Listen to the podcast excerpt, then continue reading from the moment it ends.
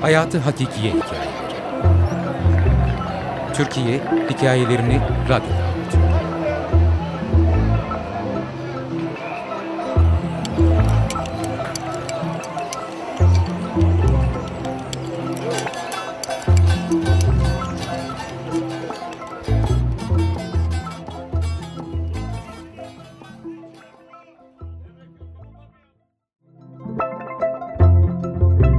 Çemberli Ahmet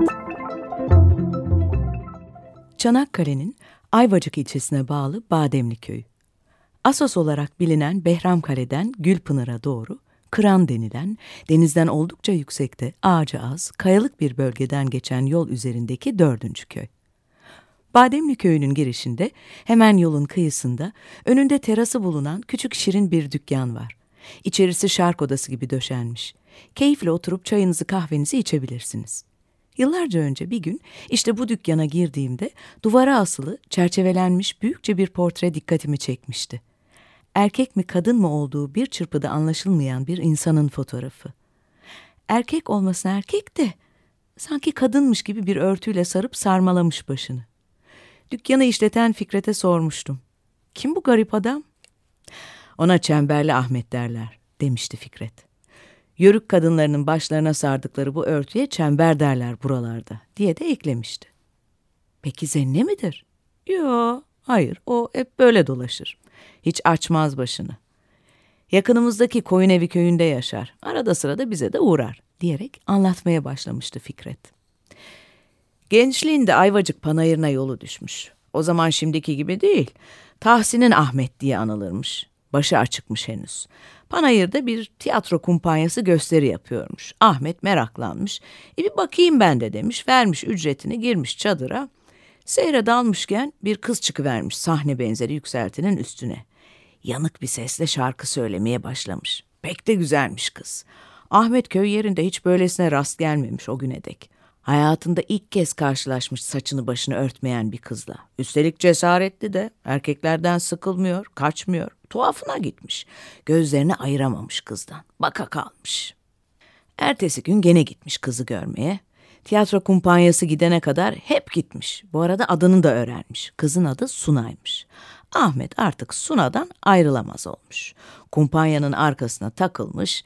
Nereye giderlerse o da peşlerinden gitmiş. Kumpanyadakiler durumu fark etmişler. Aralarında fısıldaşıp kıs kıs gülüşmüşler. Aslında Suna da pek yüz vermemiş ona. Ama Ahmet'in gözü hiçbir şey görmüyormuş. Tutulmuş bir kez. Fakat bu gezginci hayata para mı dayanır? Ahmet'in parası tükenmiş ama aşk ateşi sönmemiş. Satı vermiş tarlasını, hayvanlarını. Seyrek de olsa köyüne döndüğünde günün birinde babası bakmış olacak gibi değil almış onu karşısına. Ulan Ahmet demiş deli olma. Bu tiyatrocu kızla evlenmene razı değilim ben. Bak aklını başına topla inat edersen evlatlıktan atarım seni bilesin. Ahmet boyun eğmemiş. Karşı çıkmış babasına. İstersen at elinden ne gelirse yap. Ben kararımı verdim. Ant içerim ki Suna ile evlenemezsem şayet Ömrüm boyunca çember takarım başıma. Kumpanya bir zaman sonra Ankara'ya uğramış. Suna da Ankaralıymış zaten. Ahmet bir yolunu bulup Suna'nın evine gitmiş. Onu ağırlamışlar ama evde soğuk bir rüzgar esmiş. Suna'nın annesi yemekte, oğlum sen bu sevdadan vazgeç demiş. Bak ne demiş atalarımız, davul bile dengi dengine. Ahmet'in boynu bükülmüş. O günden sonra bir daha ne aramış ne sormuş sunasını. Ama sözünü tutmuş. Hiç çıkarmamış çemberini. Bu hikayeyi Fikret'ten dinleyeli uzun zaman oldu. Ama şimdi içim yanıyor. Bugün öğrendim sevgilisine kavuşamayan Çemberli Ahmet'in bunca yıl hiç kimseden çekinmeden verdiği kararın arkasında dimdik durduktan sonra 89 yaşında yaşama veda ettiğini. Ne çok isterdim kendisiyle tanışabilmeyi, bu hikayeyi kendisinden dinleyebilmeyi. Çok üzgün. Çemberli Ahmet Yazar Ediz Baysal Editör Sibel Özlık Okuyan Tilbe Saran